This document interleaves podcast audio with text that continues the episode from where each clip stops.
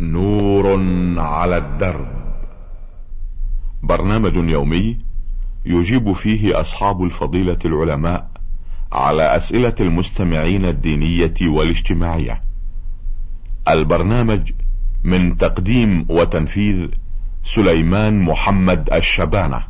بسم الله الرحمن الرحيم ايها الساده المستمعون السلام عليكم ورحمه الله وبركاته ومرحبا بكم في لقائنا هذا الذي نعرض فيه ما وردنا منكم من أسئلة واستفسارات على سماحة الشيخ عبد الله بن محمد بن حميد آه، رئيس المجلس الأعلى للقضاء آه، في بداية لقائنا هذا نرحب بسماحة الشيخ ونرحب بكم وبإخواننا المستمعين آه، سماحة الشيخ هذه الرسالة وردت من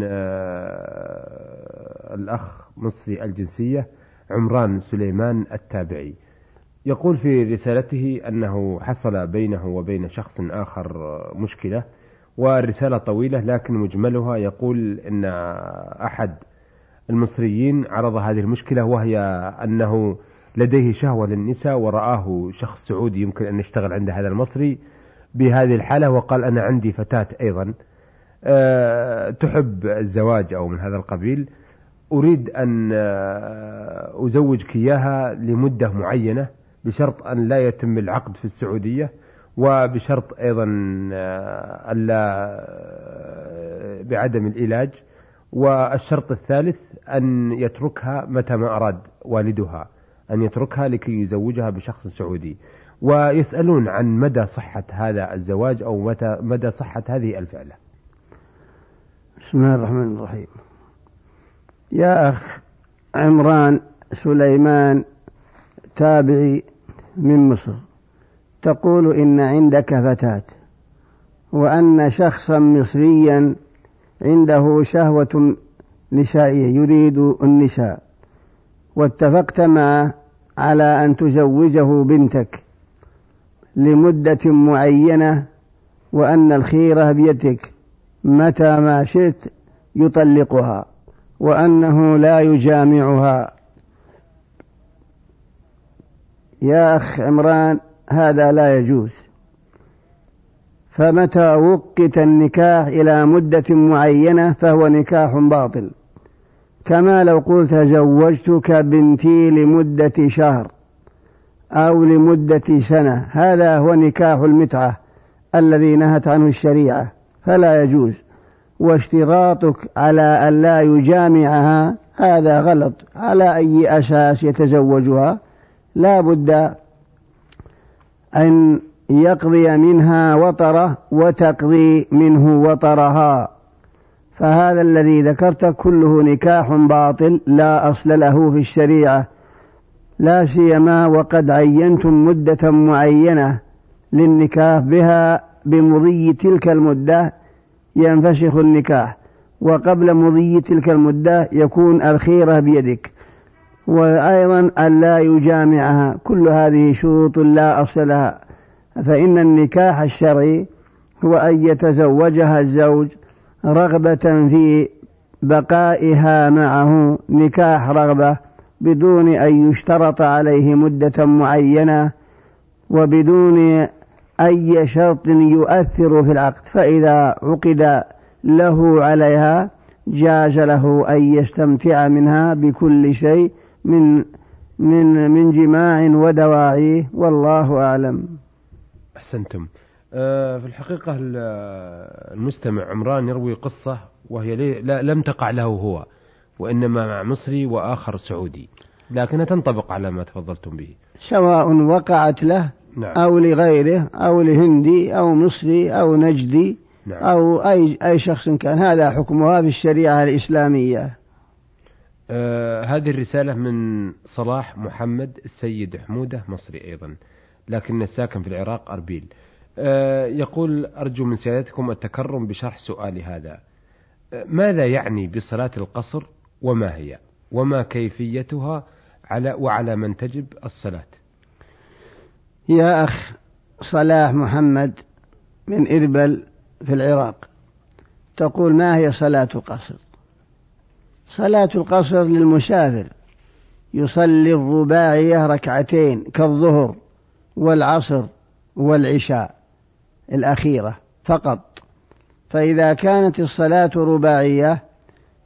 وكان الإنسان مسافرا يسن له أن يصلي ركعتين إلى أن يرجع من سفره إلى بلده فإذا رجع إلى بلده يصليها تمام أربع ركعات أو يصل إلى بلد أخرى يريد البقاء فيها فإنه يترك القصر ويلزمه إكمال الصلاة إنما القصر يسن له إذا سافر من بلده مسافة قصر ولم يقم ببلدة أخرى مدة معينة إنما هو في طريقه حتى يرجع إلى بلده فهذا يقصر فإذا رجع إلى بلده يتم الصلاة أو بقي في بلد غير بلده نوى الإقامة فيها فإنه يقصر قيل لمدة أربعة أيام يقصر وما زاد على أربعة أيام يلزمه الإتمام كما هو المذهب عند الحنابلة وقيل غير ذلك والله أعلم أحسنتم إذا آه، المستمع صلاح يسأل يقول بالنسبة نحن للمصريين نقيم في العراق هل يجوز لنا أن نقصر ونحن نقيم لمدة غير محددة نقول لهم لا يجوز لكم القصر هو لم يعرف القصر أسلا في سؤال لأنه نعم. يقول ما هو القصر نعم فأن نحن أجبناه نعم. عن ما جهله أما من أنه مقيم في بلدة فلا يلزمه الإتمام كأن يقيم شهر أو أقل أو أكثر كما لو كان مدرسا أو أو مهندسا بقي في هذه البلدة فمتى انتهت مدته لبعد سنة أو سنتين أو أقل أو أكثر سافر فهذا يلزمه أن يتم لا يجوز له القصر لأنه لم يكن مسافرا والحالة هذه أحسنتم آه، من القصيم ومن بريدة من عبد الله المواطن عبد الله الصالح العمري يقول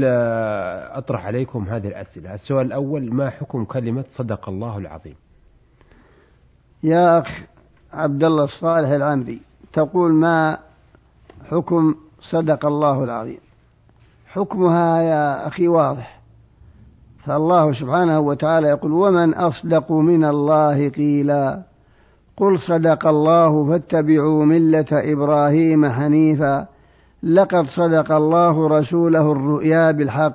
لتدخلن المسجد الحرام إن شاء الله آمنين محلقين رؤوسكم ومقصرين فإذا قال القارئ صدق الله العظيم فهو يخبر أو يعتقد يخبر عن اعتقاده بأن ما قرأه من كتاب الله كله حق وكله صدق كما في قوله تعالى قل صدق الله فاتبعوا ملة إبراهيم وقوله ومن أصدق من الله قيلا وقول لقد صدق الله رسوله الرؤيا بالحق إلى غير ذلك كما هو معلوم والله أعلم آه، هو في الحقيقة يسأل لأن في بعض طلاب العلم يقولون أن صدق الله العظيم التي تأتي في نهاية التلاوة إنما استحدثت في عهد الفاطميين على المواليد وعلى المآتم أيضا القرآن ليس بمواليد والقرآن ليس بمآتم ولم ينزل الله القرآن للمآتم ولا للمواليد أنزل الله القرآن شفاء ونورا وهدى ورحمة وبرهان وهداية لم ينزل لا لشعر ولا لمآتم ولا لمواليد ولا لكتابته على الجدران وما أشبه ذلك فإذا قال القارئ صدق الله العظيم يعني أن ما قرأه هو قول الله صدق الله ومن أصدق من الله قيلا يريد هذه الآية ويريد قل صدق الله فاتبعوا ملة إبراهيم فلا حرج إن شاء الله إن شاء الله أيضا يقول صالح آه، عبد الله العمري من بريدة يقول في سؤالي الثاني ما حكم إعلام الإمام وهو في الركوع إذا دخل المصلي أنه يكح أو يرفع صوته لإعلام الإمام بدخوله تقول ما حكم المأموم إذا أراد أن يدخل مع الإمام في الصلاة وهو راكع فجعل يأتي بالسؤال أو النحنحة ينبهه بأن يبقى في ركوعه لعله أن يدرك الركعة لا حرج ليس بهذا بأس إن كان أمكن أن آه، هذا المسبوق يدرك الركعة فهو أحسن وإذا ما أمكن فالإمام لا يراعي بل يراعي الذين دخلوا معه في الصلاة والذين هو إمام لهم فهم أحق بالمراعاة هم أحق بالمراعاة من هذا الداخل فلا ينبغي له أن يطيل الركوع انتظارا لهذا الداخل إذا كان يشق على المأمومين أما إذا لم يشق عليهم فلا بأس فقد قال العلماء ويستحب انتظار داخل ما لم يشق على مأموم أحسنتم أه سؤاله الثالث يقول آه، صلاة الجمعة فرض عين على كل مسلم ولكن يوجد بعض القرى لا يكمل نصاب الجمعة وتبعد عن القرى الأخرى أكثر من عشرة متر هل يصلي الإمام جمعة أم ظهرا تقول يوجد بعض القرى لا يصلون الجمعة لأن النصاب لم يكمل عندهم يعني كأنك تريد أنهم لم يبلغوا العدد المشترط أربعين رجلا نعم فنقول لك اشتراط أربعين رجلا لا دليل عليه فالحنابلة وغيرهم قالوا إن الجمعة لا تقام إلا إذا بلغ العدد أربعين رجلا وإذا كانوا أقل من ذلك فيصلون ظهرا مستدلين بحديث مضت السنة أن في كل أربعين فصاعدا جمعة لكن هذا الحديث لا يصح بل هو ضعيف جدا واشتراط الأربعين لم يدل عليه دليل صحيح فإذا أقاموا الجمعة ولو كانوا أقل من أربعين كما لو كانوا ثلاثين أو عشرين أو أقل لا بأس بذلك فيلزمهم أن يصلوا جمعة وهذا هو المتعين عليهم كما في الحديث وهو أن النبي صلى الله عليه وسلم خطب الناس يوم الجمعة قال فجاءت عير من الشام فانفتل الناس إليها فلم يبق معه إلا نحو اثني عشر رجلا ومع هذا صلى بهم فهذا يدل على أنها تصلى ولو كانت أقل نعم. بسبب هذا أنزل الله هذه الآية وإذا رأوا تجارة أو لهوا انفضوا إليها وتركوك قائما قل ما عند الله خير من اللهو ومن التجارة والله خير الرازقين والله أعلم أحسنت آه، من الدرعية بعث لنا المرسل عين ميم يسأل عن مسألة الطلاق يقول آه، حصل بيني وبين زوجتي شجار عند قضاء الحاجة يعني عند الجماع وطلبت مني أن أقسم البيت بيني وبينها وقالت لي أنها سوف تخرج من البيت إذا لم أقسمه ويكون ذلك طلاق بيننا وأنا سريع الغضب فوافقتها على ذلك أي أنها إن خرجت فهي طالق فخرجت من البيت ولي منها أولاد كثيرون مقدارهم أحد عشر ولد وراجعتها بشهود اثنين عدول ولكنها لم ترجع لي فما هو الحل معها يا أخ عين ميم من الدرعية تقول إنه حصل بينك وبين زوجك شيء من المشاجرة بسبب قضاء حاجتك منها وأنها قالت لك لا بد أن تقسم البيت بيننا وأنك قلت لها إن خرجت فهو طلاقك وأنها خرجت فهل يقع الطلاق نقول لك يا أخ عين من الدعية هذا خطأ منك لا ينبغي أن تبادر بالطلاق أو أن تعلق على الطلاق تعلق الطلاق على شرط فينبغي أن تكون قويا ثابت الأعصاب لا ترجر في أول وهلة لكن ما دام أن الأمر حصل وأنك قلت لها إن خرجت فهو طلاقك فهذا إن كانت واحدة أو ثنتين لك الرجعة يعني لم يسبق أن طلقتها قبل هذه المرة وإلا فعليك كفارة يمين تكفر كفارة يمين وتعود إليك زوجتك لأنك لم تقصد إيقاع الطلاق وإنما قصدت عدم خروجها من بيتها هذا هو الذي أردته فهذا تعليق بشرط ألا تخرج على ألا تخرج ويقول شيخ الإسلام تيمية كل شرط يدل على الحث أو المنع أو تصديق خبر أو تكذيبه فحكمه حكم اليمين يعني فيه كفارة يمين مثل قولك إنما تريد أن تمنعها من الخروج من البيت فقلت إن خرجت من البيت فهو طلاقك الحاصل أنك تكفر كفارة يمين وتراجع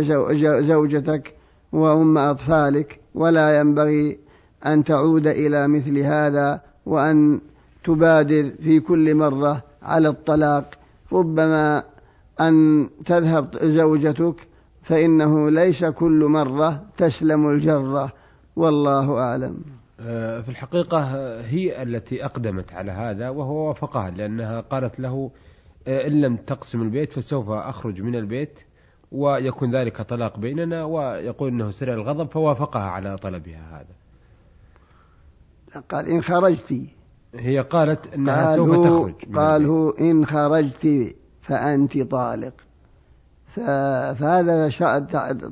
تعليق الطلاق على شرط نعم. أما إذا كان طلقها بدون شرط فالطلاق يقع إن كان رجعي واحدة أو اثنتين ولم يسبق أن طلقها فيعيدها وإن كانت الثالثة نهاية العدد فإنها لا تحل له إلا بعد زوج نعم. لكن السؤال يقول لها إن خرجت يريد منعها نعم, نعم. أحسنتم أيها السادة إلى هنا نأتي على نهاية لقائنا هذا الذي استعرضنا فيه أسئلة السادة عمران سليمان التابعي مصري الجنسية وصلاح محمد السيد حمودة من العراق من العراق أربيل وعبد الله الصالح العمري من القصيم بريدة وأخيرا رسالة المستمع من الدرعية عين ميم ويسأل عن الطلاق وعرضنا هذه الأسئلة والاستفسارات على سماحة الشيخ عبد الله بن محمد بن حميد رئيس المجلس الأعلى للقضاء شكرا لسماحة الشيخ وإلى أن نلتقي أيها السادة نستودعكم الله والسلام عليكم ورحمة الله وبركاته نور على الدرب برنامج يومي يجيب فيه أصحاب الفضيلة العلماء على أسئلة المستمعين الدينية والاجتماعية البرنامج من تقديم وتنفيذ سليمان محمد الشبانه